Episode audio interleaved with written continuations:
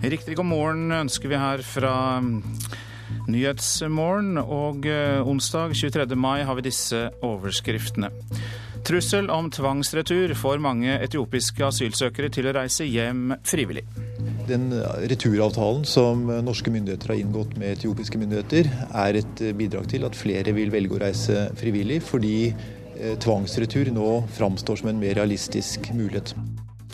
Konstituert direktør Frode Forfang i Utlendingsdirektoratet. Ludvig Nessa bannlyser stortingsrepresentanter etter vedtak om å fjerne kristendommen som statsreligion. Og eh, ungdomsarbeidsledigheten i verden øker. Her i studio i dag, Øystein Heggen.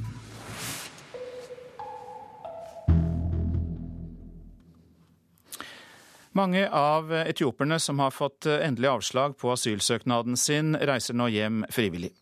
Under trussel om å bli sendt hjem med tvang, har 73 etiopere på kort tid meldt seg for å reise frivillig hjem. Dette viser at det er mulig for dem å reise hjem til Etiopia, sier konstituert direktør Frode Forfang i Utlendingsdirektoratet. Det viser jo i hvert fall at eh, det er fullt mulig å returnere eh, til Etiopia hvis man selv eh, medvirker til det. 440 etiopiere med endelig avslag bor nå på norske asylmottak. I vinter inngikk norske myndigheter en avtale med Etiopia som gjør det mulig å sende dem hjem med tvang. Dette har fått mange av dem til i stand å be om økonomisk støtte til å reise hjem frivillig, sier Frode Forfang. Vi tror at uh, den returavtalen som norske myndigheter har inngått med etiopiske myndigheter, er et bidrag til at flere vil velge å reise frivillig, fordi Eh, tvangsretur nå framstår som en mer realistisk mulighet som alternativ til å reise frivillig. De som reiser frivillig innen fristen, får 15 000 kroner når de lander i Etiopia, og inntil 30 000 kroner i støtte til omskolering eller til å starte egen virksomhet. Det er interessant at 73 asylsøkere på kort tid har bedt om det, sier Etiopia-kjenner Kjetil Tronvoll ved International Law and Policy Institute. Og Det tyder vel kanskje på at en del av de som har fått endelig avslag, har vært her på økonomisk grunnlag, altså at det er økonomiske flyktninger. Sånn sett er det rimelig at de blir sendt hjem? Jf. flyktningkonvensjonen så er det rimelig. Og de ser da det som en mulighet selv til å starte på nytt i Etiopia. Mange asylsøkere fra Etiopia opplever et press fra slekta om å bli værende utenlands, sier Kjetil Tronvoll. Det er fordi etiopiske samfunn er vant til at mange flykter ut og at de har en stor diaspora, som det heter, i USA og Europa, som da får seg jobb og sender tilbake penger til familien i landet. En veldig stor andel av befolkningen i Etiopia er avhengig av de pengeoverføringer familiemedlemmer gjør fra utlandet tilbake til hjemlandsbyen. Reporter Kjartan Røslett. Den kjente abortmotstanderen Ludvig Nessa har sendt e-post til en rekke stortingsrepresentanter der han bannlyser dem. Foranledningen er grunnlovsendringen som gjør at Norge ikke lenger har kristendommen som statsreligion. Flere stortingsrepresentanter reagerer sterkt på e-posten, men Nessa står fortsatt for sin bannlysing. Det, det, er jo de sjøl som velger ondskapen og, og, djevelskapen, og jeg har jo advart de imot det. Mandag gjorde Stortinget endringer i Grunnloven slik at kristendommen ble fjernet som statsreligion. Dette satte sinn i kok hos den kjente presten og abortmotstanderen Ludvig Nessa. Kvelden i forveien sendte han derfor e-poster til en rekke stortingsrepresentanter med et klart budskap. Hvis de stemte for forslaget, ville deres valg føre med seg forbannelse og død. Når en vender seg bort ifra Gud, så, så overtar ondskapen og forbannelsen. Og én Breivik burde være mer enn nok her i landet. En av dem som reagerer kraftig på e-posten, er prest og KrF-politiker Geir Bekkevold. Nei, altså jeg, jeg, blir jo opprørt når jeg får slike mailer fra troende mennesker. Eh, vår oppgave som kristne er å ta vare på hverandre, velsigne hverandre.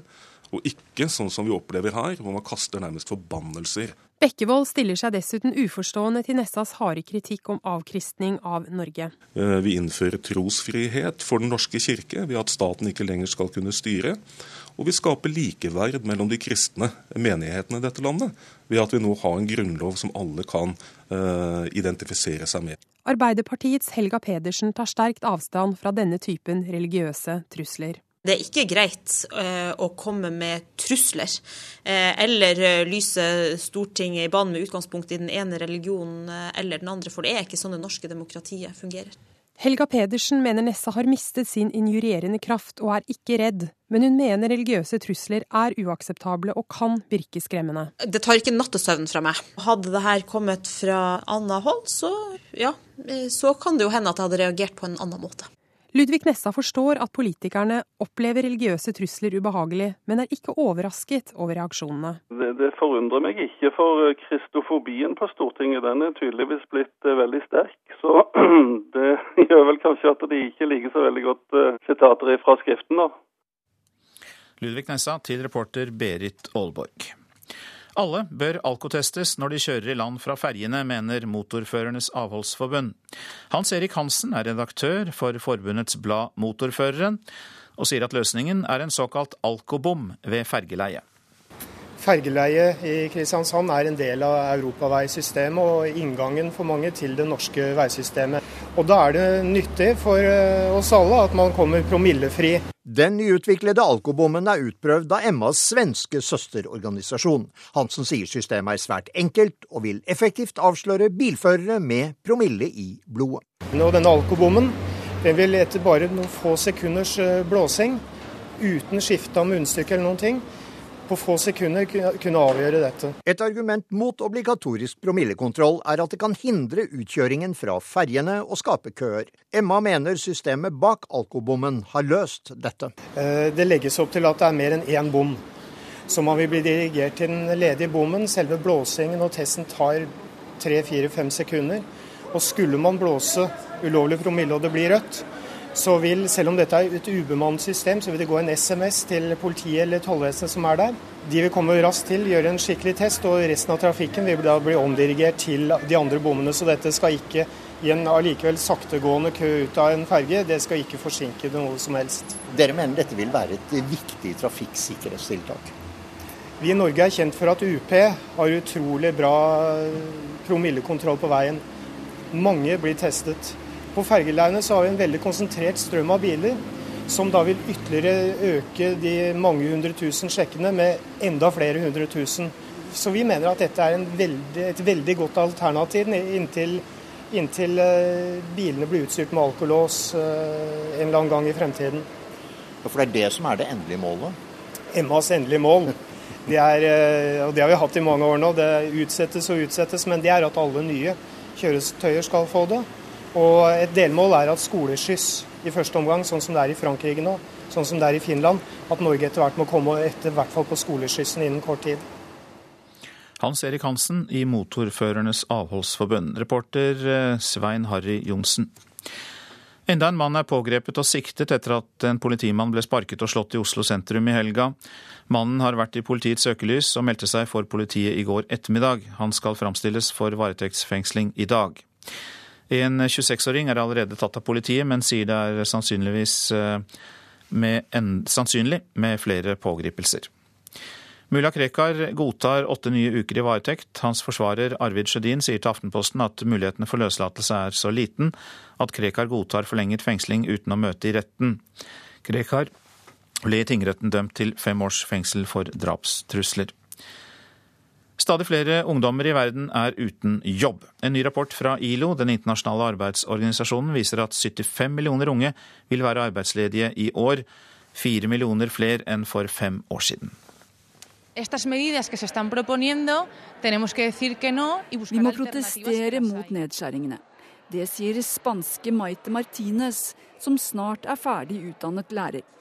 Sammen med tusenvis av lærere, studenter og elever ved spanske skoler og universiteter streiket hun i går i protest mot regjeringas tøffe nedskjæringer i skolesektoren, som de frykter vil bety færre jobber i et land der arbeidsledigheten allerede er skyhøy.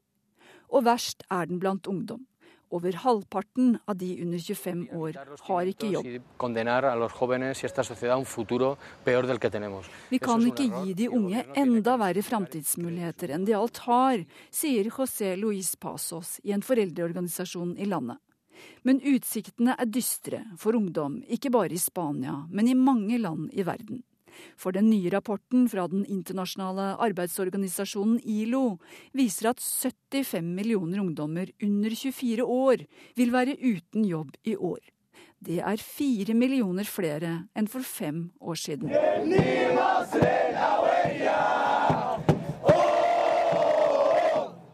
Unge egyptere heiet på sin kandidat i dagens valg. For første gang går de til valgurnene for å velge sin egen president. Men den arabiske våren har foreløpig ikke gitt resultater på arbeidsmarkedet. For ungdomsledigheten i Nord-Afrika har økt med 5% etter den arabiske våren. Det betyr at nesten hver tredje ungdom i regionen ikke har jobb. Det sa utenriksmedarbeider Inger Marit Kolstadbråten. Ja, FN-organisasjonen ILO har altså registrert 75 millioner arbeidsledige ungdommer i verden. Og assisterende generalsekretær i FN-sambandet her i Norge, Runark Tander. Hva er det mest alvorlige med denne rapporten, slik du ser det? Altså det mest alvorlige er nok størrelsesorden. 75 millioner mennesker som står uten arbeid. Uten eh, fremtidsutsikter om en eh, kort løsning. Eh, det er nok det mest alvorlige. I tillegg så sier denne rapporten noe om menneskene som ikke faller inn under denne statistikken. I tillegg til disse 75 millionene, så er det omtrent 7-8 millioner som også eh, er inkludert i eh, dette arbeidsledighetsfeltet.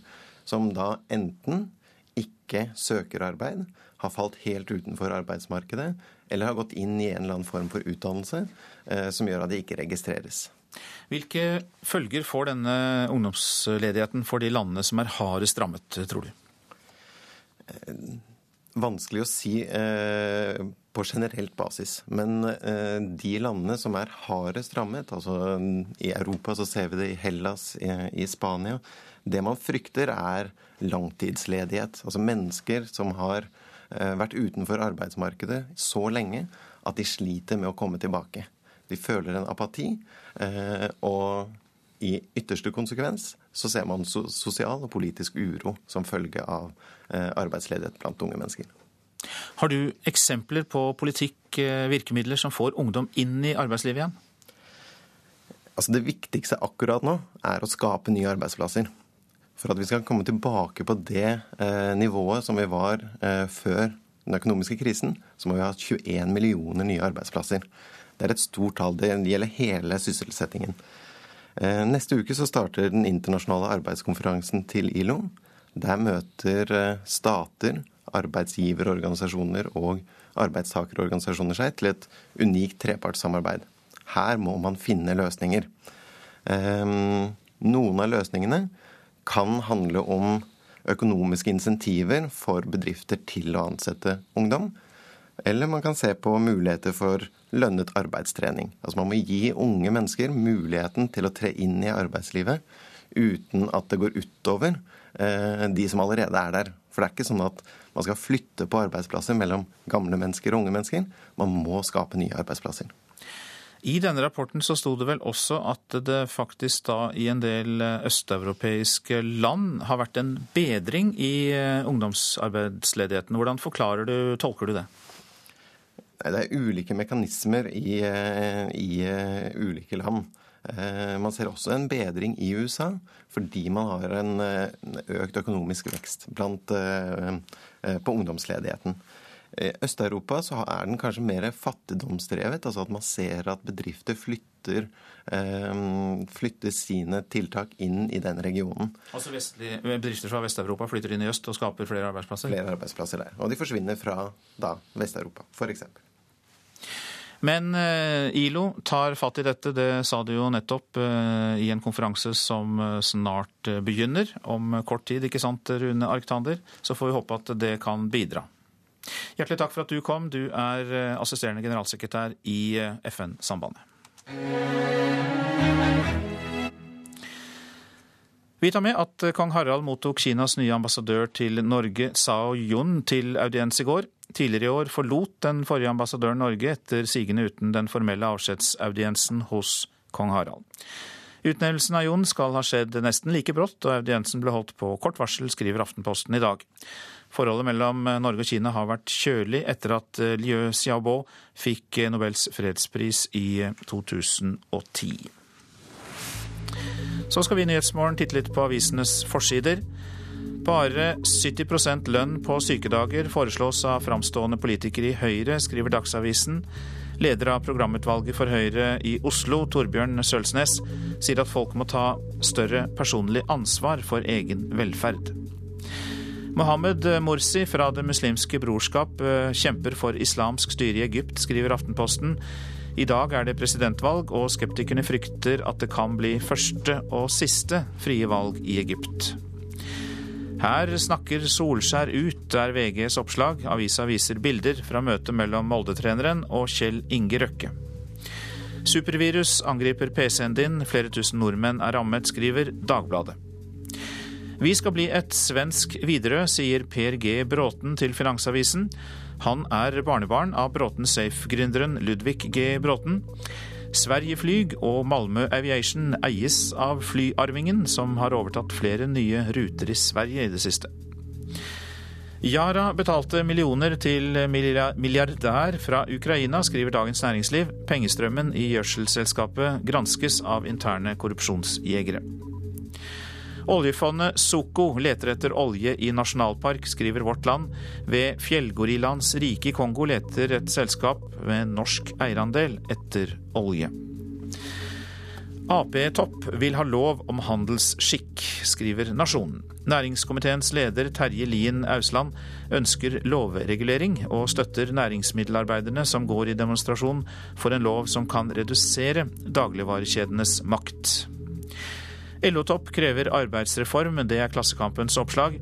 Nye reformer må til for å snu mismotet blant de rød-grønne kjernetroppene, mener Fagforbundets leder Jan Davidsen, som også sitter i Arbeiderpartiets sentralstyre. Ber kristne slutte å drikke alkohol, er oppslaget i Fedrelandsvennen. Artist, programleder og avholdsmann Rune Larsen er på Sørlandet for å omvende kristne måteholdsfolk til å bli totalavholds. Og foran en ny serierunde i fotball skriver Stavanger Aftenblad at Viking er uten svar. Styrelederne vil ikke si noe om hva som er galt med fotballklubben, og hovedtrener Åge Hareide prøver å skjerme seg og laget for kritikk.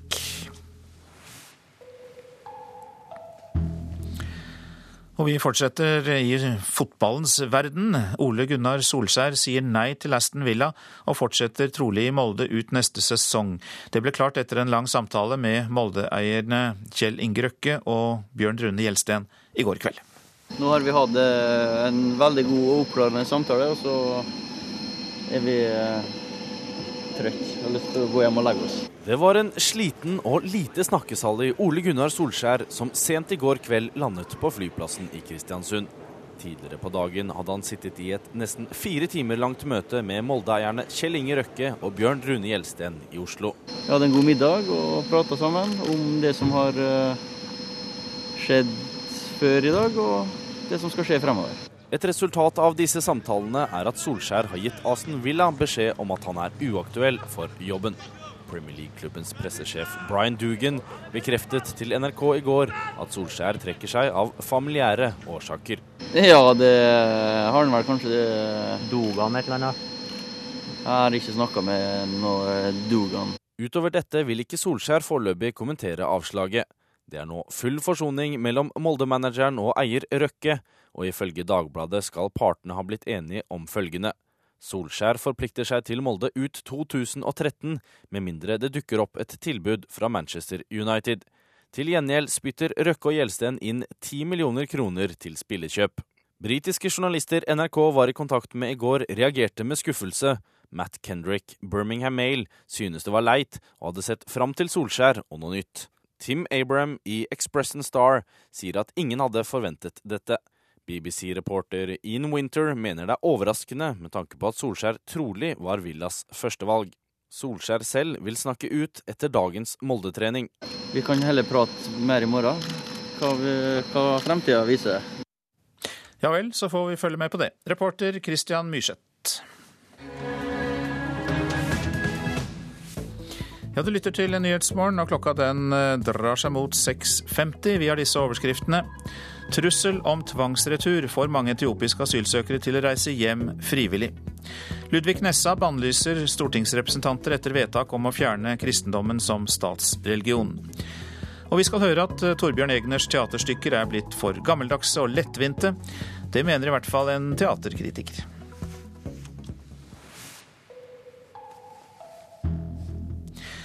Det er mangel på sjøfolk hos rederiene langs hele kysten, og problemene øker fra år til år. Det er først og fremst maskinister det skorter på. Gjennomsnittsalderen blant dem er så høy som 50 år. Problemet merkes spesielt godt når sommerferien skal avvikles. NRK har snakket med kaptein Jon Arne Dyb og maskinist Harald Søvik på hurtigbåten mellom Ålesund og Hareid. Og eh, Søvik sier han er bekymret. Jeg tror det er veldig dårlig rekruttering eh, vanskelig å få kanskje praksis i det du skal ha for å, for å oppnå sertifikater. Skole er jo greit å få utdannelse, men det, er en del med praksis som kan være litt vanskelig. vanskelig. når du skal starte fra nytt av, da.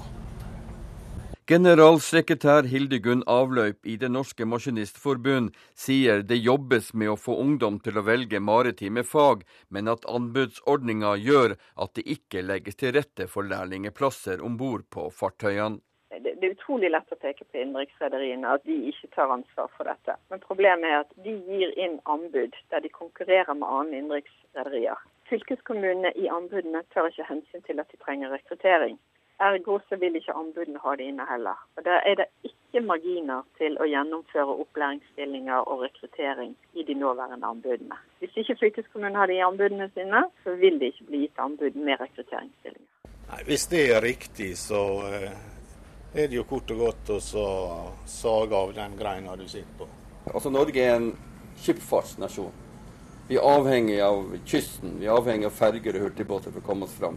Kunne politikerne gjort mer for å legge til rette, slik at ungdom, flere ungdommer kunne satse på, på å jobbe på sjøen? Jeg har aldri sett en politiker komme med uttalelse om at det er flott å jobbe på havet. Det er et tankekors. Ja, absolutt. Ja, absolutt. Det er helt sikkert. Så eh, det bør kanskje politisk gjøre noe for å få eh, flere folk til å satse på et sånt yrke. For det er jo veldig viktig for eh, hele næringa å ha sjøfolk.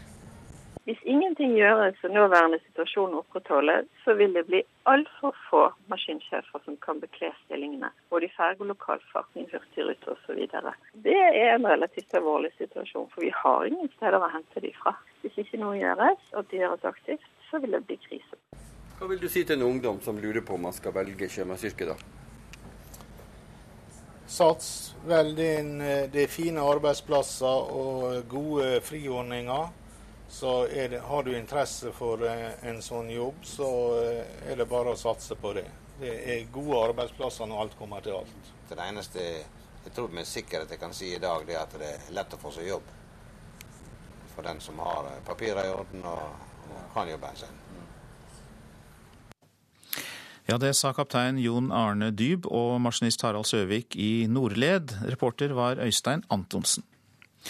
I år er det 100 år siden Torbjørn Egner ble født, og det preger barneteater over hele landet. Men Torbjørn Egners teaterstykker er for gammeldagse og lettvinte for dagens unge publikum. Det mener teaterkritiker Lisa Marie Nagel.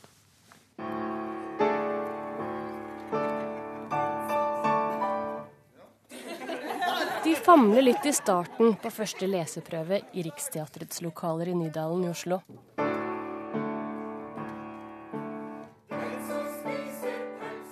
Egner ville fylt 100 år omtrent på denne tida, som det heter. Og det merkes på programmene i Teater-Norge. Kristiania Teater setter også opp Hakkebakkeskogen. I operaen kommer musikantene til byen. Nationaltheatret spiller Kardemommeby for niende gang. Og det er fire store profesjonelle Karius og Baktus-forestillinger på gang. Men på Det Norske Teatret er det egnerfri sone også i år, sier teatersjef Erik Ulfsby. Det er så mye egner. Det er egnerår nesten hvert år. Så det har vært viktig for dette teatret, og er viktig for dette teatret, å heller finne fram nye stemmer som kan bli en ny Torbjørn Egner. Bortsett fra på Det Norske Teatret er Hakkebakkeskogen, Karius Baktus og Kardemommeby med jevne mellomrom på plakaten hos de proffe teaterne. Det smitter over til amatørgruppene, som også stadig velger seg Egner. Nei, jeg tenker at Man må gjerne ha Egner, men man er nødt til å ha noe annet òg. Egner er hyggelig, det er noe alle kan se, men man trenger også ting som forteller barn noe om deres egen samtid i dag. Det sier Lisa Marie Nagel, som er teaterkritiker og høyskolelektor i dramaturgi. Det er, ikke noe, det er ikke noe trøblete stoff der, det er ikke noe som er vanskelig, som ikke lar seg løse i neste scene på en eller annen måte. Jeg tenker så enkelt som at uh, i Hakkebakkeskogen så er det jo et problem med en rev som spiser de andre dyrene. Uh, og løsningen på det er jo å gjøre reven til vegetarianer. Og jeg tenker at det er jo ikke en reell løsning på et uh, problem i det virkelige liv. Sånn at hvis man tenker at teatret også har en kraft til å si noe sant, eller noe som, som kan bety noe for barn, så hopper man litt bukk over det i Egners fortellinger. Tilbake på første leseprøve hos Riksteatret er det tid for å prøve maskene for første gang. Teatersjef Ellen Horn skal selv ha regien på forestillingen. Hun er ikke enig i at Egner står i veien for nyere og mer relevant barneteater. Ja, jeg mener at han står ikke i veien, han baner vei for forståelsen for at det er viktig å skape klassikere, og skape nye klassikere. Og jeg tror at de temaene han tar opp, er universelle. Det handler om trygghet, det handler om omsorg for andre, kjærlighet. Eh, og det blir aldri umoderne. Ja, det sa Riksteatrets Ellen Horn, reporter Ina Strøm. En 60-åring skal vi snakke om nå. Festspillene i Bergen. De er et lokomotiv for hele Festival-Norge, sier fiolinist Arve Tellefsen, men dårlig billettsalg kan kaste skygger over noen av hovedsatsingene i år. Eh, jeg tror mange ikke har fått med seg Stefan Herheims eh, sin store opera 'Serkses'. Det er en av de største produksjonene som har vært i Grieghallen. For Silje Gripsrud, kommunikasjonssjef i Festspillene i Bergen, er det ei gåte at bergenserne ikke går mann av huset for å sikre seg billetter til Handel-operaen 'Serkses'. Der er det fremdeles en del billetter igjen, og det syns jeg er litt, eh, litt, rart, egentlig. Også de delene av programmet som er retta mot barn, selger mindre enn forventa, forteller Gripsrud. Vi har jo en stor satsing på barneforestillinger i år. Og Der ser vi at eh, det er få solgte billetter i forhold til hva vi trodde, for det er noe folk har etterlyst, faktisk. Så det er synd.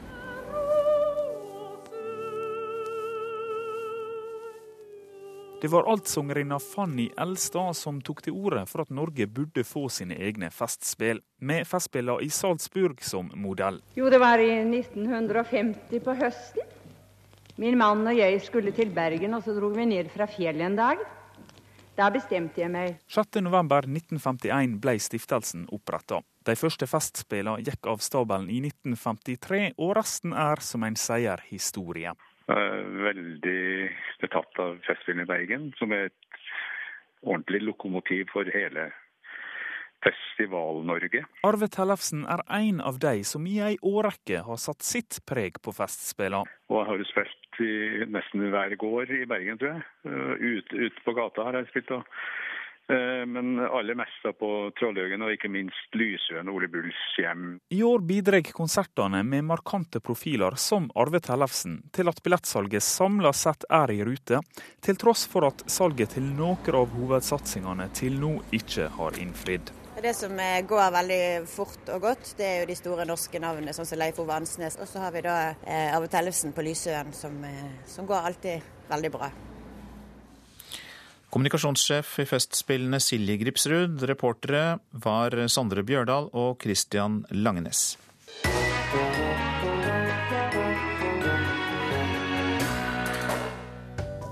I Russland begynner misnøyen å bre seg blant anti-Putin-aktivistene. En av talspersonene deres er nemlig for glamorøs til at engasjementet hennes kan være oppriktig, hevdes det. For hvordan kan man stille naken i Playboy og samtidig holde regimekritiske appeller? Vi ser på kombinasjonen glamour og aktivisme i Radioselskapet klokka 11. Og det er ganske glamorøst vær også over hele landet, bortsett fra på Svalbard. Så kan vi glede oss over pent vær. Egentlig så behøvde vi ikke si mer, men vi kan ta noen detaljer. Østafjells og fjell i Sør-Norge for det meste pent vær. Vestlandet og Trøndelag stort sett pent vær, men noe tåke på kysten. Nordland og Troms pent vær. Finnmark får også etter hvert pent vær. Nordensjøland på Spitsbergen, der blir det kuling og litt snø og sludd. Temperaturer målt klokka fem. Svalbard er nede i null. Kirkenes, Vardø, Alta og Tromsø, alle, tre, alle fire, har tre grader. Bodø ni, Brønnøysund åtte, Trondheim ni, Molde også ni. Bergen-Flesland 12 grader, Stavanger 16 grader, Kristiansand 14, Gardermoen 12, Lillehammer 11, Røros 0 grader. Og Oslo-Blindern 13 grader. Så det var altså Stavanger som kom best ut av det klokka fem i natt, med hele 16 grader.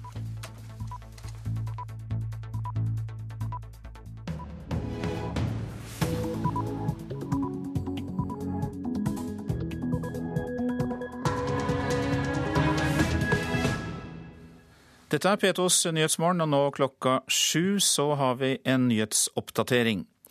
Meklingsfristen for offentlig sektor går ut ved midnatt. Et viktig krav er retten til betalt omsorg for syke og gamle foreldre.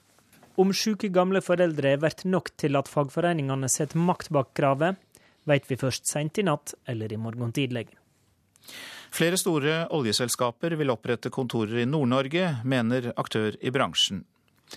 Trussel om tvangsretur får mange etiopiske asylsøkere til å reise hjem frivillig. Den kjente abortmotstanderen Ludvig Nessa bannlyser stortingsrepresentanter etter vedtaket om å fjerne kristendommen som statsreligion. Det, det er jo de sjøl som velger ondskapen og, og djevelskapen, og jeg har jo advart de imot det. Sier Ludvig Nessa. Hvis ikke kajakkpadlerne desinfiserer utstyret sitt godt nok, vil de spre den smittsomme lakseparasitten gyrodactylus fra vassdrag til vassdrag. Man må ta ansvar. Alle må ta ansvar for, for eget utstyr. Elveeier Ole Rune Døskeland. Kjører du bil uten å ha papirene i orden, ja da kan du få problemer. Statens vegvesen øker kontrollene langs norske veier. Det er mellom 1,2 og 1,6% av kjøretøyene som passerer i trafikkstrømmen, som ikke har papirene i orden.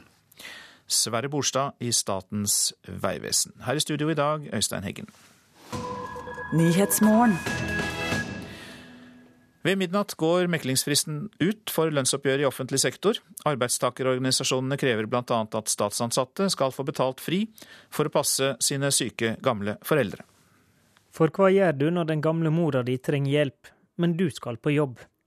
Kanskje sjukmelder du deg sjøl? Legen er nødt til å finne på en diagnose, mm. til tross for at legen utmerket godt vet at problemet ikke er at arbeidstakeren er syk, men at arbeidstakeren har et omsorgsansvar. Påpeker Høyres Inge Lønning for fire år siden. Det har nemlig vært snakka om ei stund. LO-leder Gedli Valla sa for seks år siden. Jeg syns det er rimelig at eh, man får samme rett eh, hvis man har eh, syke foreldre eller man kan ha omsorg for funksjonshemmede. Så vil det være naturlig at man får den samme retten på ti dager. Nå ligger kravet på bordet. Etter dagens system har du rett på ti dager ulønna fri i året for slik omsorg. Arbeidstakerorganisasjonene krever nå at statsansatte skal få det systemet som forsikringsselskapet Storebrand har. Dette er en ordning som gir mulighet for å, å kunne få fri inntil ti dager i året med lønn, for å ivareta omsorgsoppgaver for f.eks. For egne foreldre. Fortell kommunikasjonsdirektør Jan Otto Risebro Bakken.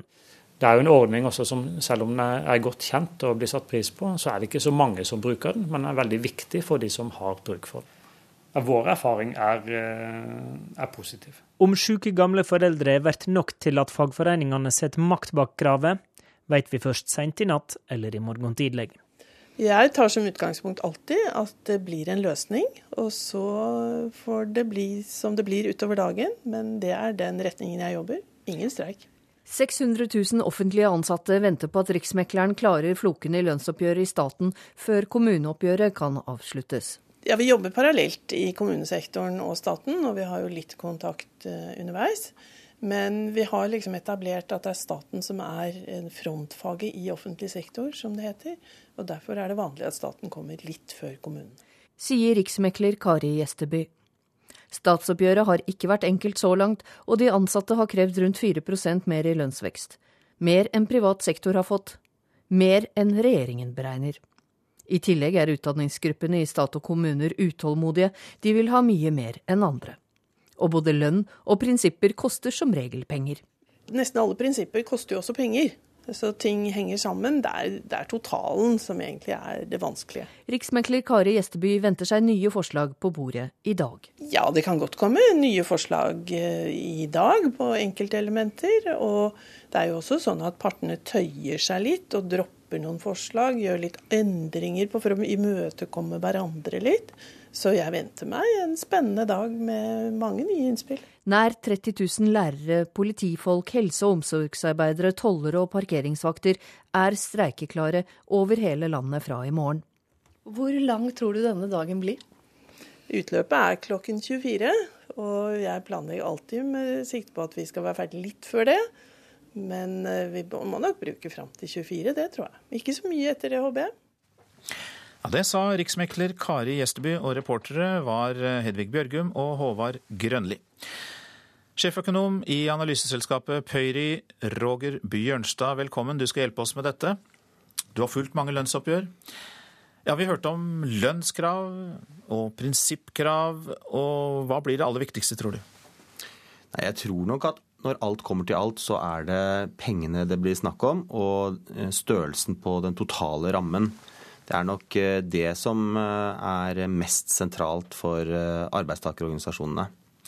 Vi blir flere eldre her i landet. Kanskje er det derfor det er kommet inn et omsorgskrav for å ta vare på syke og gamle foreldre. Hvordan tror du det går med det?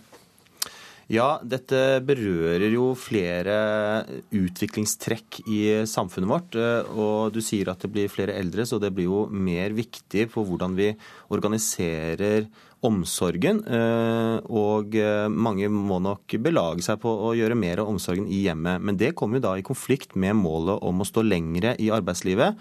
Og arbeidstakerne har jo nå en, eh, ser jo for seg nå en pensjons reform som de har kommet inn i, og det er økonomisk gunstig å stå lenger i arbeidslivet. Eller sagt på en annen måte, det er økonomisk ugunstig å gå ut av arbeidslivet. Så det å kombinere Eh, behovet for å stelle sine foreldre og fortsatt stå i arbeidslivet, det blir nok mer og mer sentralt eh, framover.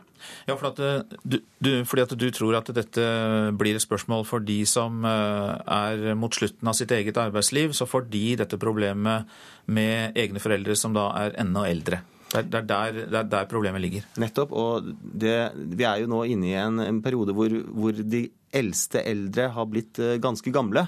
Sånn at deres barn er i slutten av arbeidslivet, og det å kombinere et langt yrkesliv med det å stelle sine eldre, og kanskje også press på de offentlige omsorgstjenestene, eh, ikke minst pga. den store eldrebølgen og problemene med å finansiere denne, så blir nok dette et sentralt krav eh, allerede nå, men, men kanskje enda mer framover. Da får vi se hvordan det går med det. Og så er det slik at uh, Unio-leder Anders Folkerstad har sagt også at de offentlige ansatte må ha mer enn privatansatte for i realiteten å få det samme. Hva innebærer det? Ja, I offentlig sektor så får eh, arbeidstakerne først og fremst lønnsopprykk gjennom tariffavtalene. Men i privat sektor så kan kanskje mer enn 50% av den lønnsveksten man får, komme utenfor tariffavtalene. Og det er klart at eh, når vi da ser i ettertid at det som sies er rammen for eh, lønnsoppgjørene i privat sektor, og så viser det seg å bli mer, eh, det kan man jo ikke uten videre legge til grunn for offentlig sektor, for er, da er toget gått. Så det er, sånn at, eh, det er sånn at eh, Anders Folkestad vil ha mer av kaka med en gang, for han veit at det kommer eh, det, det, triller inn penger til folk i privat sektor etter at lønnsoppgjøret er over? Nettopp. Det er nå de offentlige ansatte har mulighet til å, til å få hele lønnsveksten som privat sektor får. Det er kanskje bare 10-20% av lønnsveksten i offentlig sektor som kommer utenfor tariffoppgjørene. Og så var det slik at um, Regjeringen uh, i revidert nasjonalbudsjett justerte ned årets lønnsvekst fra 4 til 3,7% og det provoserte de ansatte. Var det et forhandlingsutspill, eller hva mener du om det? Disse lønnsanslagene som gjøres av regjeringen i statsbudsjettene, de, de, er, de, de, stiller seg et litt underlig lys. I utgangspunktet så skal de være en beste gjetning på hva lønnsveksten blir. Men det er klart at når dette systematisk har vært mye lavere enn det den faktiske lønnsveksten har blitt, så er det eh, bredt seg en, en oppfatning om at dette er rett og slett et uh, forhandlingsutspill. Uh, og jeg tror det er litt problematisk at man, en, man sier det er en beste gjetning, men at man systematisk bommer på dette. Så, så, hvor mye man skal legge vekt på hva regjeringen sier blir lønnsveksten, det er uklart. Hjertelig takk skal du ha for at du kom eh, hit, eh, sjeføkonom i Pøyri, Roger Bjørnstad. Så får vi se om det blir streik eller løsning ved midnatt i kveld eller der omkring. Takk skal du ha. I de neste åra vil flere store oljeselskaper opprette egne avdelingskontorer i Nord-Norge. Det tror sjefen for North Energy, som har hovedkontor i Alta. Det er svært stor interesse for mange selskaper om å få nye arbeidsoppgaver i Barentshavet, sier Erik Karlstrøm i North Energy. Vi tror at det at selskap flytter kontorene sine nordover er avhengig av at de har mer aktivitet i nord enn i sør. Og Da må det også være gjort drivverdige funn der oppe. Det, så det vil ta tid. Men det vi, det, vi, det, vi, tror på, er at uh, hvis vi snakker om 2030, så vil det være mer enn ti store selskap som har uh, kontorer i, i, de store byene i, i Nord-Norge. Det største oljemiljøet i landsdelen er i dag i Harstad. Der har Statoil rundt 300 ansatte. Her er også Oljedirektoratet og oljeselskapet Det Norske og Total representert. Fylkesråd for næring i Troms, Karianne Oppsal, mener mer aktivitet i oljebransjen skaper mange spennende muligheter. Det viktige er at de etablerer seg i Nord-Norge. Og da er det et mål for oss å sørge og påvirke for å få en type aktivitet som gir mest mulig ringvirkninger til landsdelen. Det er målet vårt. Ja, er det målet da å få det til Harstad eller Tromsø? Begge deler. Kanskje er Tromsø attraktiv i forbindelse med infrastruktur og universitetet, og ikke minst kommunikasjon nedover mot, mot Stavanger. Eirik Karlstrøm i North Energy og reporter Lars Egil Mogård. Mangeårig styremedlem i Yara, Leiv L. Nergård, har trukket seg fra styret i protest. Nergård trakk seg tidligere i måneden etter at Nærings- og handelsdepartementet ikke ville betale for ekstraarbeid knyttet til selskapets korrupsjonsgransking. Det skriver Dagens Næringsliv. Kajakkpadlere, som det blir stadig flere av, øker risikoen for å spre den smittsomme lakseparasitten Grødactylus til ulike vassdrag. Det frykter forskere og elveeiere. Det kan få store følger hvis padlerne slurver med å desinfisere utstyret, mener leder i Gaula elveeierlag i Sogn og Fjordane, Ole Rune Døskeland. Det hadde jo vært en katastrofe for vassdraget. Altså man ødelegger et vassdrag veldig effektivt med å, å tilføre smitte som, eh, som, ikke hører hjemme. Det å padle kajakk er blitt en fritidsaktivitet i stadig vekst. Det siste året har det blitt solgt kring 20 000 kajakker årlig. Nå frykter forskere at det skal føre til at padlerne tar med seg uønska smitte fra elv til elv. Det er en viss, eh, viss spredningsfare med det der. Det er jo, eh, ofte med, så reiser man jo fra vassdrag til vassdrag på denne padlinga. Og, eh, og, det er klart, er det litt restvann i, i de her kajakkene, så, så, er det en viss risiko for at man kan spre parasitten fra et vassdrag til et annet. Da. Det sier forsker ved Bioforsk på Furenes i Fjaler, Pål Thorvaldsen. Han mener at løsninga er å lage til stasjoner ved elvene, der padlerne blir pålagt å desinfisere alt utstyr før de legger ut på tur i en ny elv. Vi ser for oss at eh, det her må, må kunne også gjøres ved, på kajakker. I Sogn og Fjordane frykter en særlig at padlere skal ta med seg smitte fra Lærdalsvassdraget, som i mange år har slitt med lakseparasitten gyrodactylus, til andre elver uten smitte. Nå må padlerne syne ansvar og sørge for rent utstyr, mener Ole Rune Døskeland i Elveigalaget i Gaular. Man må ta ansvar. Alle må ta ansvar for, for eget utstyr. Og ja, egentlig Nytelsen blir sikkert uh, veldig mye bedre hvis man, har, uh, hvis man vet at man har gjort det man kan for å, for å begrense uh, smitte. Reporter var Geir Bjarte Jetland. Vi lytter til Nyhetsmorgen, og klokka den eh, går mot 7.14. Dette er hovedsaker. Ansatte i staten krever betalt fri for å ta seg av gamle og syke foreldre. Innspurt i meklingen i dag. I dag begynner første del av det egyptiske presidentvalget, og Ole Gunnar Solskjær sier nei til Aston Villa og fortsetter i Molde.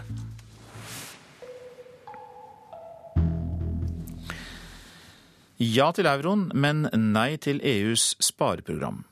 Det var budskapet til den greske venstresidelederen Alexis Tsipras da han møtte et tallrikt pressekorps i Berlin i går. Sparepolitikken fører rett i avgrunnen, så uansett hvem som vinner valget i Hellas i juni, må den politikken endres, sa mannen som kan bli Hellas' neste statsminister. Og Arnt Stefansen var på pressekonferansen i Berlin. Kampen om de beste bildene er hard når Alexis Tsipras gjør sitt inntog foran tysk og internasjonal presse her i Berlin. Etter valget i Hellas er lederen for det radikale venstrepartiet Syriza blitt en av Europas mest omtalte politikere. Partiets erklærte mål er å si opp avtalen med EU om en krisepakke som innebærer store ofre for det greske folk. Skulle Alexis Tsipras bli Hellas' neste statsminister, er det derfor ventet at landet må gå ut av eurosamarbeidet. Men Tsipras selv er ikke enig i denne konklusjonen. Ingen eier eurosonen. Ingen stat kan bestemme om andre skal kastes ut. Vårt parti ønsker å beholde euroen, og dette vil være vår politikk hvis vi kommer til makten. Men vi kan ikke fortsette som nå. Det fører rett i avgrunnen.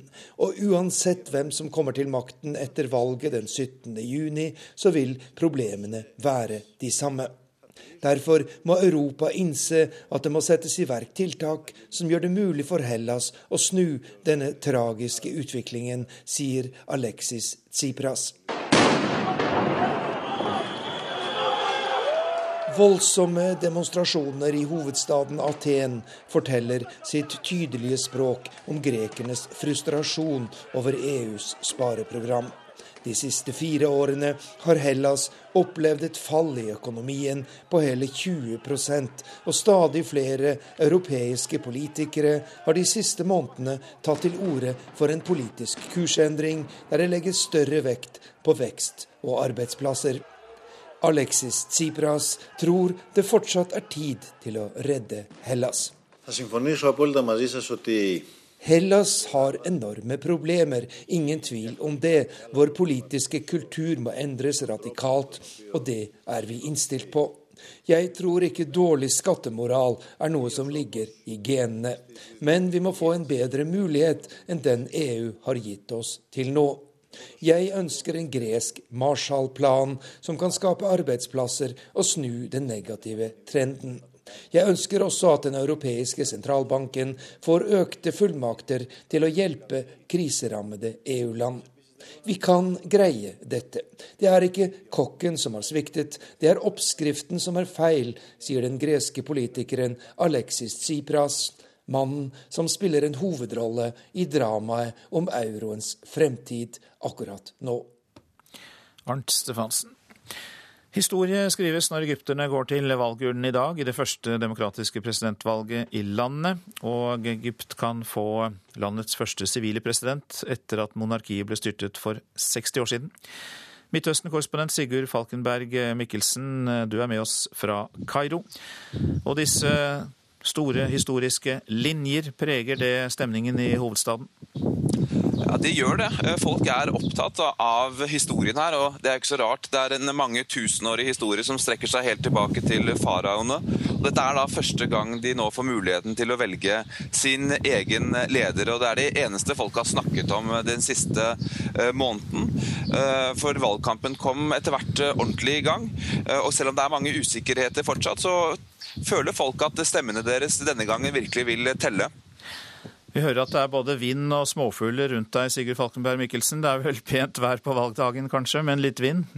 Ja, det er litt rolig her i gatene, sånn at man hører stemningen bedre. Det er mye stillere enn vanlig. og Det preger jo selvfølgelig situasjonen at folk skal ut og stemme i dag. Og som sagt, altså, dette, er, dette er noe folk nå virkelig er opptatt av. og Etter et veldig tøft år i etterkant av revolusjonen, så, så er dette et, et mye, mer, mye mer positiv stemning her enn tidligere. Hvilke hovedkandidater har vi, og hvilken politikk ønsker de? Altså, I alt er det tolv kandidater. Det er fire-fem av de som skiller seg ut. To av de kommer fra det gamle regimet. Amr Moussa, tidligere utenriksminister, og Ahmed Shafiq, tidligere statsminister. Og så har vi to islamister på den andre siden.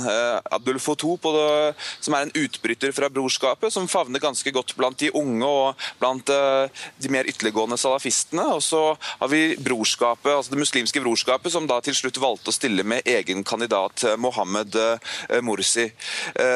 Dette er i veldig stor grad har jeg følelsen av et identitetsvalg. og Det har ikke vært så mye snakk om politisk retning. Men de aller fleste er opptatt av hvordan Egypts økonomi skal komme på fote igjen. Det er jo det store spørsmålet her. for er, Den har blitt liggende og vake i etterkant av revolusjonen. og Det er voldsomme, voldsomt store utfordringer for den som til slutt blir valgt som president. Og Når du sier identitetsvalg, går det da på om man forholder seg til en sekulære politikken, religiøs politikk, at man velger mer eller mindre etter sin identitet, holdning? Jeg, jeg, jeg, mitt inntrykk er at dette er et, i stor grad et valg for eller mot islamistiske politiske kandidater. Var, de gjorde det meget godt under parlamentsvalget og fikk rundt 70 til sammen av stemmene da. Jeg tror nok ikke de vil bli like dominerende nå, men de vil fortsatt gjøre et meget godt valg. Og det er absolutt ikke usannsynlig at en islamist vil vinne valget her i, her i, her i, her i Egypt. Mange takk for at du var med, Midtøsten-korrespondent Sigurd Falkenberg Mikkelsen fra Kairo.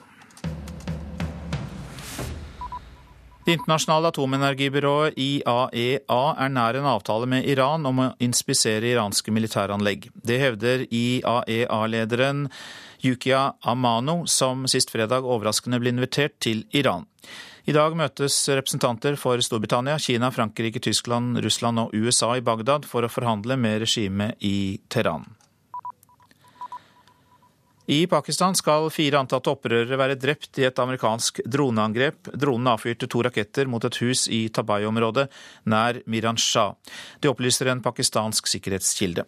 Droneangrepene var tema da Pakistans statsminister Asif Ali Sardari møtte USAs utenriksminister Hillary Clinton på Nato-toppmøtet i Chicago sist helg. Pakistan ønsker en slutt på de amerikanske droneangrepene, og hevder at de tar for mange sivile liv. I Italia vekker beskyldninger mot Vatikanet oppsikt. Det er Vatikanets egen eksorsistprest, 85 år gamle Gabriel Amro Amort, som nå avslører detaljer fra Den katolske kirkes virke på 1980-tallet. Amort hevder at en 15 år gammel Emanuela Orlandi, som ble meldt savnet i 1983, ble bortført for å delta på Vatikanets sexfester, og senere ble drept og begravd i en mafiagrav. I Canada fylte flere titusen studenter gatene i byen Montreal i går. Studentene har nå demonstrert i 100 dager mot regjeringens planer om å øke semesteravgiften med 80%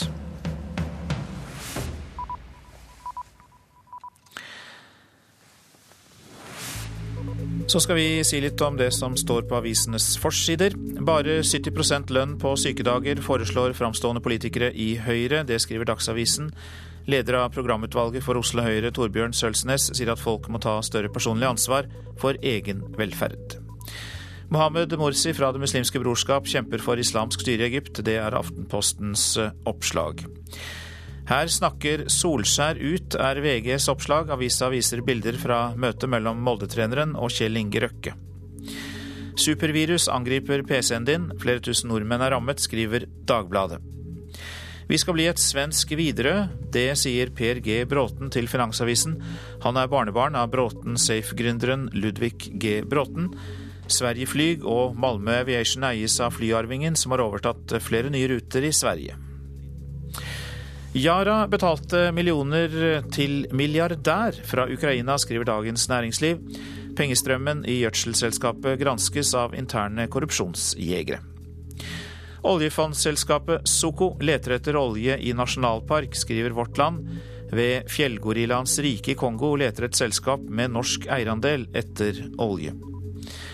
Ap-topp vil ha lov om handelsskikk, skriver Nasjonen. Næringskomiteens leder Terje Lien Ausland ønsker lovregulering og støtter næringsmiddelarbeidere som går i demonstrasjon for en lov som kan redusere dagligvarekjedenes makt. LO-topp krever arbeidsreform, er Klassekampens oppslag. Nye reformer må til for å snu mismotet blant de rød-grønne kjernetroppene. Det mener Fagforbundets leder Jan Davidsen, som også sitter i Arbeiderpartiets sentralstyre. Ber kristne slutte å drikke alkohol, er oppslaget i Fedrelandsvennen.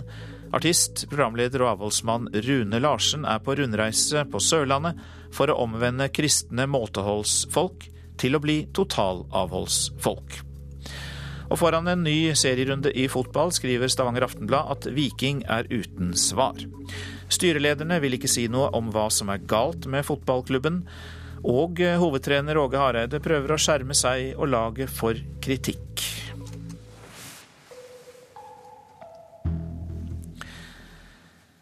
Kameraet i veikanten som fanger opp farten din, skal nå få flere oppdrag. De skal også luke ut bilister som ikke har papirene i orden. Registreringsnummeret blir lest, og det blir gitt beskjed om bilen er krevd avskiltet. På kontrollstasjonen til Statens vegvesen utenfor Trondheim vet de ansatte at eh, ikke alle bilister burde vært på veiene. Attention. Og der mangla Ja, det var periodisk kontroll der òg, muligens. Skal vi se, da. Nei, forsikring er på den. Sverre Borstad sitter på kontrollstasjonen til Statens vegvesen på Sandmoen utenfor Trondheim. Hver gang datamaskina sier Attention. passerer en bil som er begjært avskilta. Der, ja. Kom det en til? Ja da, det kundegrunnlaget er dessverre altfor stort. Kameraet på Sandmoen og kameraet på Taraldsrud i Oslo har i over ett år hatt fullt fokus på bilskilt for å se hvor mange som kjører ulovlig på norske veier. Det er mange, sier sjefingeniør i Vegdirektoratet, Tor Aksnes. Det er til enhver tid i systemet vårt registrert rundt 210 000 kjøretøy som eh, ikke har lov å oppfylle kravet til ferdes på veien. Av de 210 000 så, ser vi, så sier de store tallene at det er mellom 1,2 og 1,6% av kjøretøyene som passerer i trafikkstrømmen, som ikke har papirene i orden. Hva syns du om de tallene? Jeg syns de er altfor høye. Eh, og det med basis i det at eh, når du sitter og eh, ser at det blir stående igjen tolv biler etter at 1000 biler har passert, og vi har mange veier som har mer enn 1000 biler som passerer i timen i Norge, så, så er det ganske mye. Det er ganske voldsomt. I år får du ikke et oblat til bilen som viser at alt er i orden. Derfor øker nå Statens vegvesen antall manuelle kontroller langs norske veier. Ja, vi når vi sperrer E6-en, så må alle sammen kjøre ei lita sløyfe inn på plassen her. For det må en manuell kontroll til for at det skal få konsekvenser for bilistene. Pipinga på kontoret til Borstad er kun statistikkmat så lenge det ikke er kontrollører ute, sier Aksnes. Ja, nå er det sånn at Bilene som passerer kameraet, så gir kameraet en indikasjon på at det er noe feil. og Både av personvernmessige hensyn, men òg av, av kvalitetshensyn, så det er viktig at vi kontrollerer da alarmen der og da. Det, vi, vi, opererer ikke med det at det er feil i systemet, for systemet har ingen selvstendig måte å forholde seg til informasjon på. Det reagerer bare på den informasjonen som det får. Og informasjonen det får, kommer jo fra fra en, en, hovedkilde, og den hovedkilden oppdateres både av forsikringsselskapene, og den oppdateres av trafikkstasjonene, den oppdateres av bilverkstedene. Sånn at det kan være mange plasser der kilden til feil kan være. Nesten alle de som får en Attention. mangler godkjent EU-kontroll. Det bekymrer Vegdirektoratet. Vi må kunne stole på det at materiellet som brukes langs veien, faktisk er til å stole på. Attention. Mangler det både forsikring og EU-kontroll her, da? Ja, det er noen som har litt uh, har fe flere feil og mangler, dessverre. Ditt råd da, til folk som er ute og kjører? Kjør forsiktig og ha ting i orden, så skal i hvert fall ikke vi plage dem. Ja, og reporter her, det var Henriette Louise Krognes. Vi tar med at uh, kong Harald mottok Kinas nye ambassadør til Norge, Tsao Yun, til audiens i går. Tidligere i år forlot den forrige ambassadøren Norge uten den formelle avskjedsaudiensen hos kong Harald. Utnevningen av Yun skal ha skjedd nesten like brått, da audiensen ble holdt på kort varsel. Det skriver Aftenposten i dag. Verdien av euroen faller sammenlignet med andre store valutaer foran EU-toppmøtet i dag. Investorene selger unna euro, bl.a. fordi den greske statsministeren i går ikke ville utelukke at Hellas forlater eurosamarbeidet.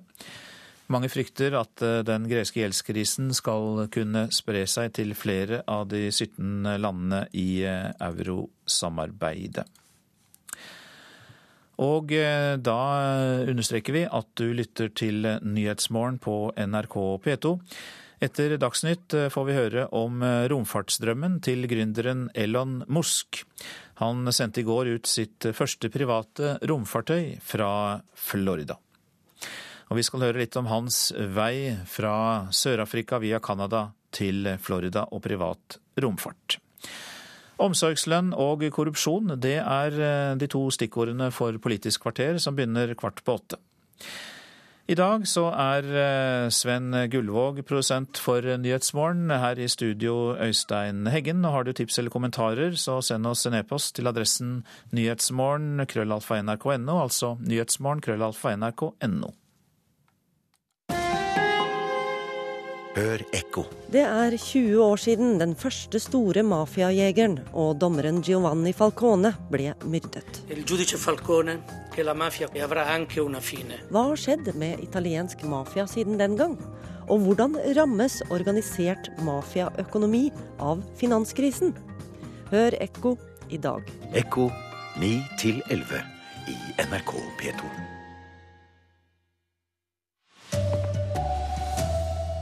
Tilsatte i staten krever fri for å ta seg av gamle foreldre. I dag får Egypt sin første demokratisk valgte president. Og Ludvig Nessa bannlyser stortingsrepresentanter. God morgen, her er NRK Dagsnytt. Klokka er 7.30. Ved midnatt går meklingsfristen ut for lønnsoppgjørene i offentlig sektor. Arbeidstakerorganisasjonene krever bl.a. at statstilsatte skal få betalt fri for å passe sine gamle, syke foreldre. For hva gjør du når den gamle mora di trenger hjelp, men du skal på jobb?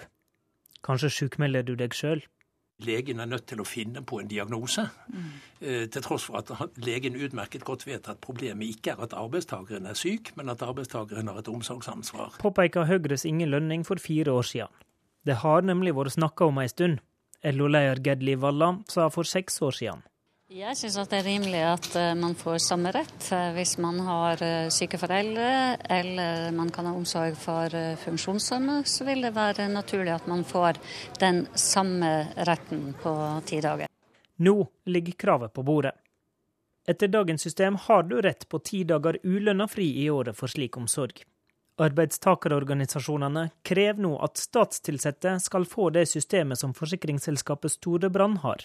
Dette er en ordning som gir mulighet for å, å kunne få fri inntil ti dager i året med lønn, for å ivareta omsorgsoppgaver for f.eks. For egne foreldre.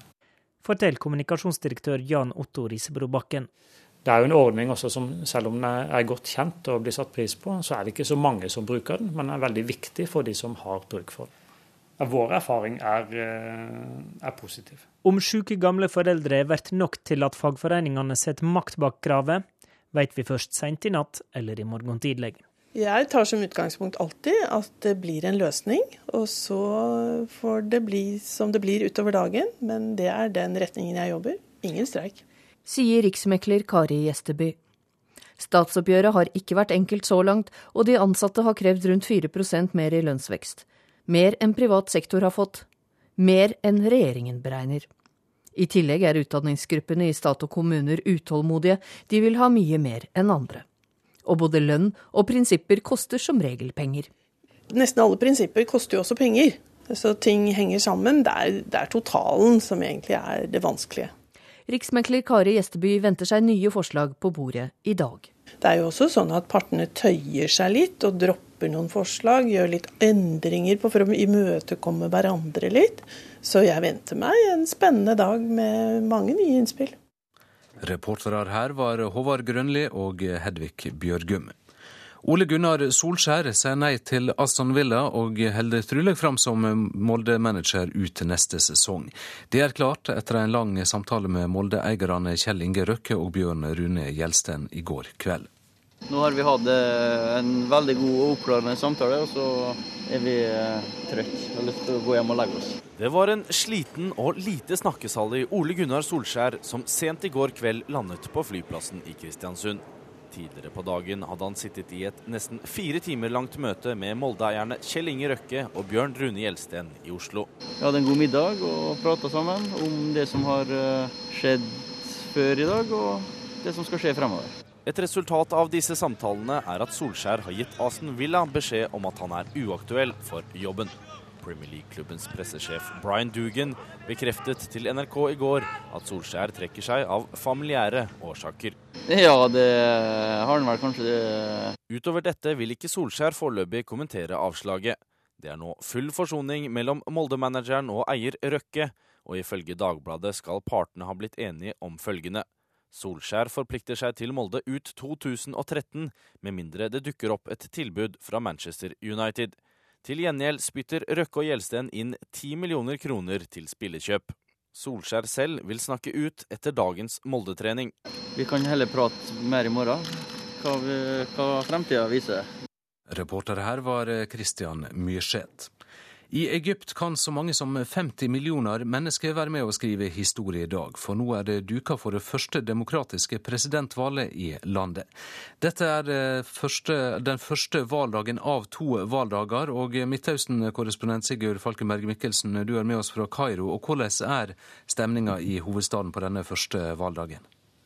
Ja, Den er eh, spent, men på en eh, god måte. Det føles som en betydningsfull dag for mange egyptere, og det er det eneste folk har snakket om her de siste ukene. Og Det er jo første gang i Egypts eh, mange tusenårige historie som strekker seg helt tilbake til faraoene, at de nå skal velge en egen leder. Siste året har vært preget av uro og revolusjon. Hva forventninger har egypterne til valget nå? De håper jo å finne en kandidat som kan få landet på eh, rett kjøl igjen, og stabilisere landet og eh, skape en ny og bedre framtid. Særlig er jo mange opptatt av eh, økonomien. Den har gått dårlig det siste året. Og også hvordan de skal forholde seg da i denne blandingen mellom religion og politikk. Så det er veldig mye et valg for eller mot islamisme, dette, dette, dette valget. Helt kort, Når kan den nye presidenten eh, være på plass? Eh, antagelig i slutten av juni eh, så vil eh, Egypt ha en, eh, en, ny president. Takk skal du ha, Sigurd Falkenberg Mikkelsen, som altså følger valget i Kairo. Mange av etioperne som har fått endelig avslag på asylsøknaden sin, reiser nå hjem frivillig. Under trussel om å bli sendt hjem med tvang, har 73 personer på kort tid meldt seg for å reise hjem frivillig. Dette viser at det er mulig for dem å reise hjem til Etiopia, sier konstituert direktør Frode Forfang i Utlendingsdirektoratet. Det viser jo i hvert fall at eh, det er fullt mulig å returnere eh, til Etiopia hvis man selv eh, medvirker til det. 440 etiopiere med endelig avslag bor nå på norske asylmottak. I vinter inngikk norske myndigheter en avtale med Etiopia som gjør det mulig å sende dem hjem med tvang. Dette har fått mange av dem til i stand å be om økonomisk støtte til å reise hjem frivillig, sier Frode Forfang. Vi tror at eh, den returavtalen som norske myndigheter har inngått med etiopiske myndigheter, er et bidrag til at flere vil velge å reise frivillig, fordi eh, tvangsretur nå framstår som en mer realistisk mulighet som alternativ til å reise frivillig. De som reiser frivillig innen fristen, får 15 000 kroner når de lander i Etiopia, og inntil 30 000 kroner i støtte til omskolering eller til å starte egen virksomhet.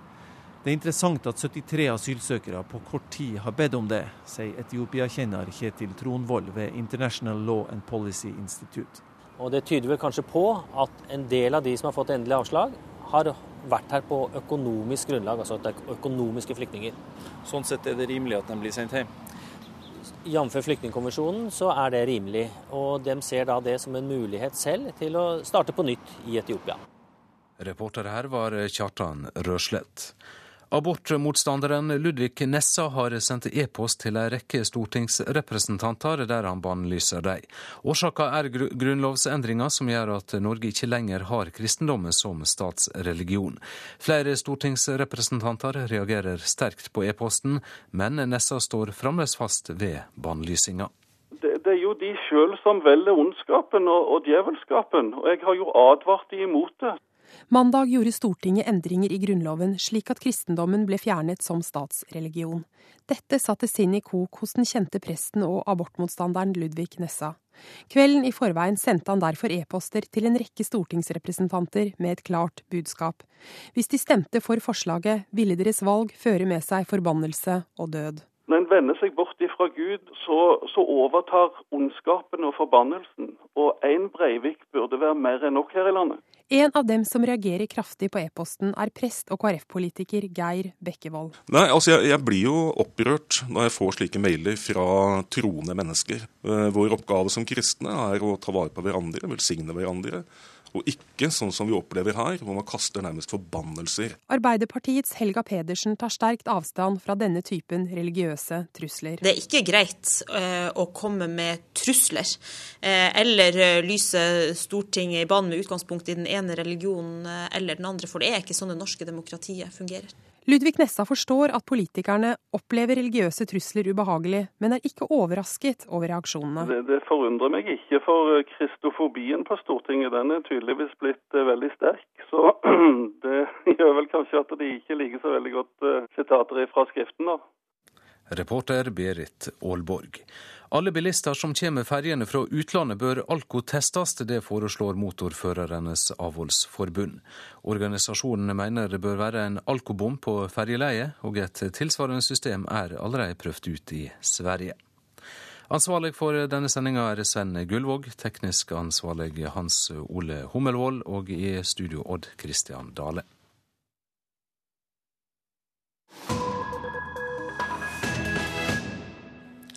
Dette er Nyhetsmorgen. I går greide en mann med store drømmer å få til noe de aller fleste ikke trodde på.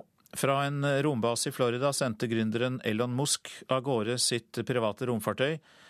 Målet er den internasjonale romstasjonen. One, zero. Han har opplevd utallige komplikasjoner, utsettelser og toppen av dramatikk. I forrige uke ble raketten hans stående på startrampen etter at motorene var startet.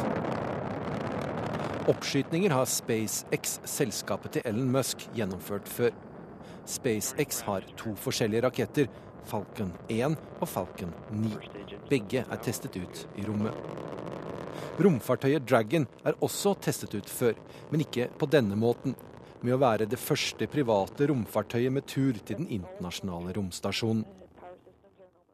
Veien frem til hit har vært lang for Elon Musk. 120 en die gee twee battery plus die 81 mortiere dan die noue viersteenwapen sal wees vir die aanval self in en om die onmiddellike vi er tilbake i en sørafrikansk militærleir før apartheidpolitikken blir avviklet. Utenfor står den 17 år gamle Ellen Musk. Snart skal han avtjene verneplikt, men han utvandrer til Canada. Jeg har ikke noe mot verneplikt, sier Musk senere til journalister, men å avtenne den i en hær som undertrykker svarte, vil jeg ikke. Han vil noe annet. For millennia, humans have exchanged metal coins and bits of paper to pay each other. But recently, a new breed, a new subspecies, has developed. The PayPal iPhone app Noen år senere er Ellen Musk styrtrik på salget av PayPal, som han var med på å starte. Før det hadde han studert økonomi og fysikk i Canada og USA. Fysikkunnskapene ville han bruke til å bygge et banebrytende batteri til elektriske biler. Men han avbryter det forsøket, satser på IT og kommer først mye senere tilbake til elektriske biler. Tell me about the car, Elon. So I drive to work. Ellen Musk blir intervjuet i sin egen bil av en reporter fra Forbes Magazine. Bilen er Tesla Roadster, en elektrisk kraftplugg som Musk har vært med på å utvikle med sitt eget firma Tesla Motors.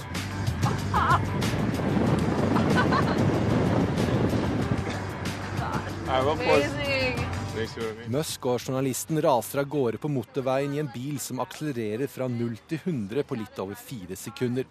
Snart skal Tesla S ut på veien med en aksjonsradius på 500 km. My motivation uh, actually for, for all, all my companies has been that uh, uh, to be involved in, in something that I thought would have a significant effect on the world. Um, Motivasjonen har alltid vært å gjøre noe som er bra for menneskene, sier Musk vanligvis i intervjuer. Og hva som er bra for menneskene innen romfart, har han en klar forestilling om. Um, you know, I, I really want SpaceX to help make life multiplanetary. Um, you know, I'd like to see a self-sustaining base on Mars. Musk vil at menneskene skal leve på mer enn én planet for å beskytte seg selv. En eller annen gang kommer det en asteroide eller noe annet som kan true alle mennesker på jorden, advarer Musk. Dersom vi også bor på f.eks. planeten Mars, så vil menneskene overleve. Musk vil selv ut i rommet, og han tror selskapet hans vil kunne sende mennesker til Mars innen 20 år. Musk er nå 41 år gammel. Reporter Halvard Sandberg.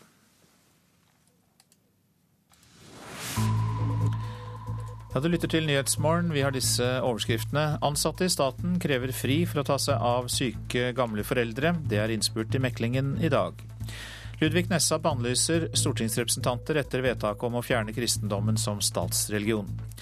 Trussel om tvangsretur får mange etiopiske asylsøkere til å reise hjem frivillig. Og vi tar med at Ole Gunnar Solskjær sier nei til Aston Villa, fortsetter trolig fra i Molde fram ut neste sesong. Så til deg, programleder Bjørn Myklebust i Politisk kvarter. Du eh, ser på dette kravet jeg nevnte her om rett til permisjon for å pleie syke og gamle foreldre med full lønn. Ja, hvor går grensen for hva det offentlige skal betale for?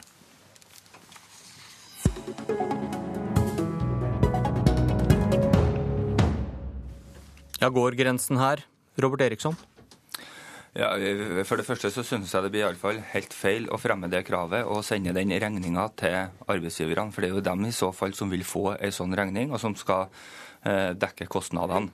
Eh, det at eh, I dag så har man jo ti dager fri uten lønn i form til å ta omsorg for å pleie syke foreldre eller nært pårørende. Hvis det er sånn at man ønsker å gjøre noe med den retten, så må man jo finne ordninger innenfor det vi har i dag i forhold til, til pleiepenger, gjøre det mer fleksibelt. Men også ta det på egne foreldre.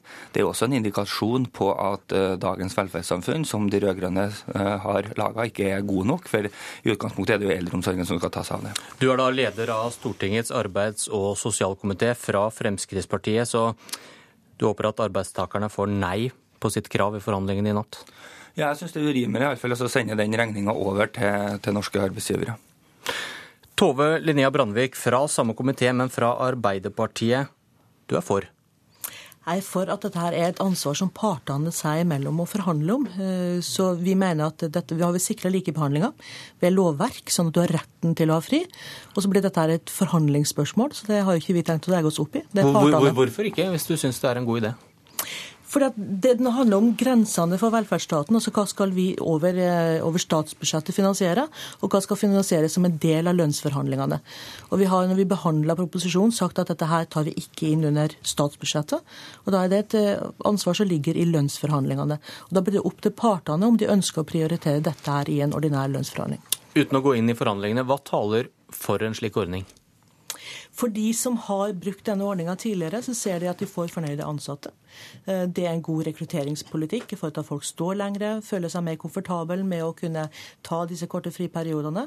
Og det er en likebehandling blant de ansatte. Så det er jo det som de arbeidsgiverne som har valgt å gjøre dette i dag, eh, holder fram som gode moment. Eriksson, frykter du en ordning der slappe arbeidstakere får krav på noen nye egenmeldingsdager de kan ta ut? Jeg håper at dette ikke blir en del av egenmeldingssystemet. Men, men det som jeg syns er viktig, og som Fremskrittspartiet har vært tydelig på når vi har disse sakene tidligere, det er det at man trenger kanskje mer fleksible løsninger for alle når det gjelder svært alvorlig syke eh, nært pårørende. Ta f.eks. en eh, person som har fått eh, si kone f.eks. som alvorlig kreftsyk ønsker å avslutte sitt liv hjemme. Det at man finner gode løsninger på det, der man kan være hjemme, pleie sin, eh, sin nærmeste i sluttfasen, det syns jeg er fornuftig, det syns jeg er, er, bra, og at man kan kombinere det med arbeid. og Det er viktig at man må kunne kombinere det med arbeid. Men å sende regninga over til norske arbeidsgivere, det syns jeg blir feil. Jeg syns også det blir feil å opprette nye offentlige eh, velferdsordninger på det. Vi har de velferdsordningene vi har i dag, og det må vi ha, være likt likt for alle sammen som er i arbeidslivet, både i privat og i offentlig sektor. Vi kan ikke ha særordninger for offentlig sektor. Hva tenker du om det? Jeg tenker Dette er to vidt forskjellige ordninger. Altså Det med å kunne pleie nære pårørende ved livets uh, slutt, det har vi andre ordninger som gjelder for. Og Da har vi kompensasjon via staten i inntil 60 dager. Så dette handler om de helt kortvarige, akutte situasjonene som kan dukke opp, uh, som man eventuelt ønsker å trø til for egen familie. Uh, det offentlige har ansvaret for omsorgen for folk i, i, Norge. Så vi skal ikke flytte ansvaret over til det private. Men for de som ønsker i en kortere periode å kunne stille opp for sine foreldre f.eks., for så er det lagt inn en mulighet til rett med fri. Men, men, hva men, hva er forskjellen på det å ha syke barn og syke foreldre? For der får man jo dekket i dag, ikke sant? Du har det totale ansvaret for dine barn. Både forsørgeransvaret og oppdrageransvaret. Det har du ikke for dine voksne foreldre. Man kan vel ende i en situasjon hvor man faktisk får det totale ansvaret for sine foreldre? Da skal staten stille opp. Da skal kommunene gjøre jobben i forhold til foreldrene og sørge for at de har en god og verdig hverdag. Så kan du ha noen dager fri, som denne ordningen her åpner for, for å kunne trø til, støtte, være der for dem.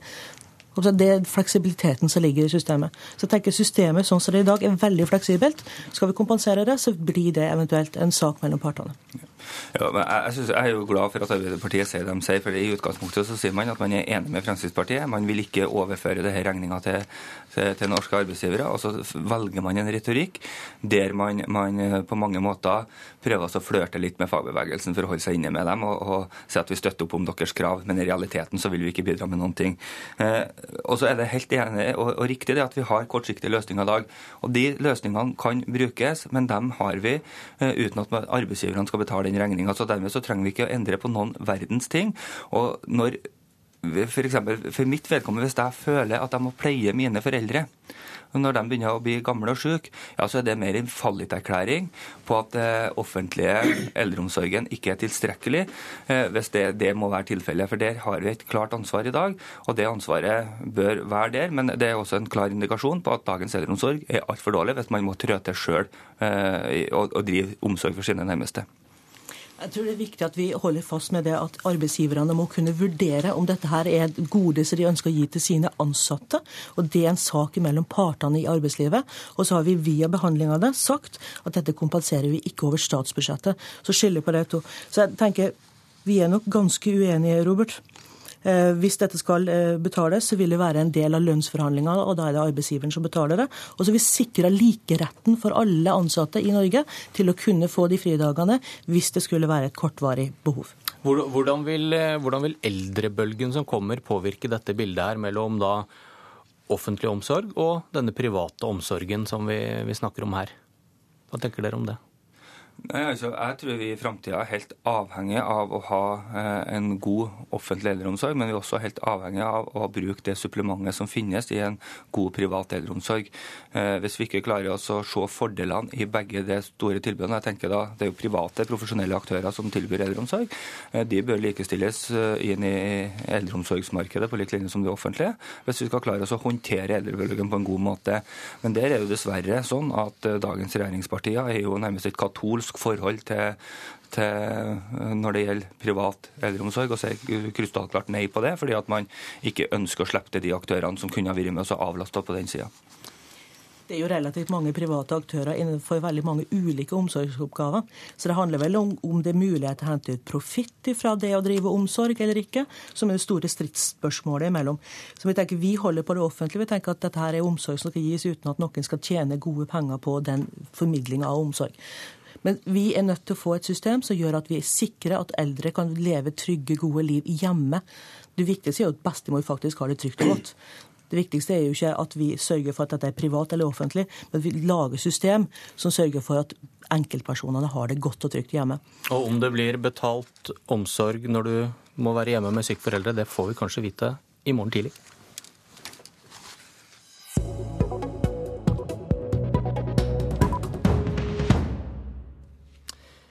Vi leser om Yara, og vi leser om korrupsjon. Og Alf Holmelid, næringspolitisk talsmann i SV. Det er ikke første gang et norsk selskap der staten er stor eier, kommer i et slikt uføre? Nei, altså SV har jo en veldig klar holdning til at vi må ha nulltoleranse mot korrupsjon. Men det som er viktig for SV, er at det er ikke nok å erklære at man har nulltoleranse mot korrupsjon. Det er viktig at en lager system som kan forebygge korrupsjon. Og Da tenker vi på system som at selskapene må ha gode etiske retningslinjer, de må ha gode kontrollsystem, og de må ha gode system for varsling. Og Den rød-grønne regjeringa har jo skrevet ned i eierskapsmeldinga si, som skal legge føringer for de statlige selskapene, at vi skal være ledende på samfunnsansvar. Så her stiller vi store krav til selskapene og forventer at de følger opp. Men bør norske selskaper holde seg helt unna korrupte land? Ja, ikke nødvendigvis holdes unna korrupte land, men må holde seg helt unna korrupsjon. Og det er ikke nødvendigvis akkurat det samme. Og det med at vi forventer at det norske selskap, det statlige og andre, skal holde seg helt unna korrupsjon, det ligger jo bl.a. i det at vi har fått en straffelov i Norge som sier at korrupsjon i utlandet også kan pådømmes i Norge. Harald Tom Nesvik, nestleder i næringskomiteen fra Fremskrittspartiet. Bør Norge ha strengere regler for sine selskaper enn andre land? Norge skal ha strenge regler for, for selskap knyttet til korrupsjon. Jeg har ennå til gode å høre om et land som godtar korrupsjon. Eh, korrupsjon er straffbart og skal være det. Det skal også norske selskap forholde seg til. Eh, og det er svært viktig. Eh, det store spørsmålet her er hvorvidt at man skal stille andre særkrav til disse norske selskapene som opererer i et internasjonalt marked.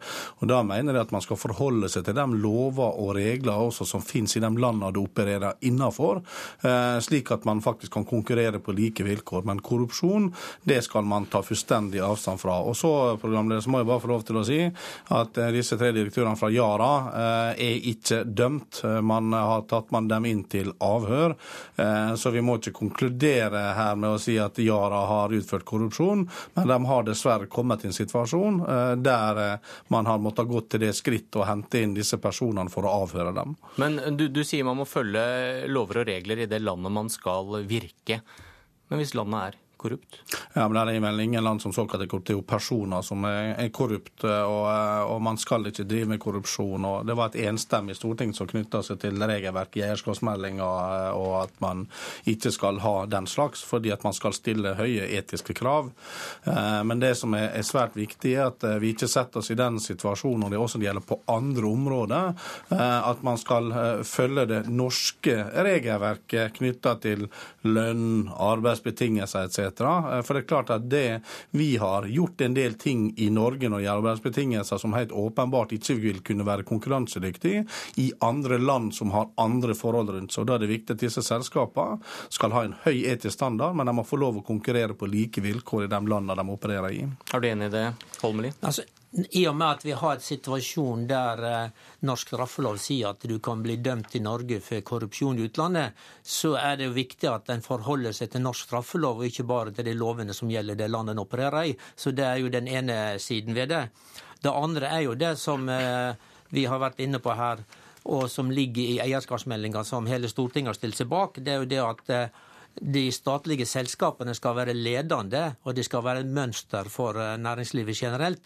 Så det ligger jo i det at vi skal stille høyere krav til våre selskap når de opererer i utlandet, enn eh, vi gjør eh, generelt. Og det har sammenheng med det at det er mange som sier at et offensivt samfunnsansvar, et sterkt fokus på samfunnsansvar, kan være til hinder for å drive forretning. Vi vil snu det helt rundt. Det er faktisk sånn at et offensivt samfunnsansvar kan være en konkurransefordel. For det er klart at du skaper tillit til markedet hvis at du har helt tydelig på ditt samfunnsansvar. Du rekrutterer de beste folkene hvis du er helt tydelig på ditt samfunnsansvar. Så det er galt å si at det er en handikap å ta samfunnsansvar. Det er et konkurransefortrinn for et seriøst selskap. Er SVs politikk en oppskrift på å tape penger eller tjene penger? Jeg tror, ikke, jeg tror ikke noen i næringslivet er tjent med å følge SVs oppskrift uansett fordi at eh, De har ikke akkurat eh, fremstått som de gode eksemplene når det gjelder pengetildeling selv fra regjeringskontorene. Men eh, det jeg tror det er svært viktig at man fokuserer på fremover, det er jo nettopp det som har med, med det regelverket. fordi at det er klart at det etiske skal ligge på plass. og Det er viktig å ta samfunnsansvar også, som representanten Holmli her er inne på. Men vi må ikke komme i den situasjonen at, vi, at norske bedrifter bedrifter blir utkonkurrert på det internasjonale markedet fordi at de ikke får konkurrere innenfor det regelverket som finnes i de landene. Eh, for det må vi nødt til å ta inn over oss.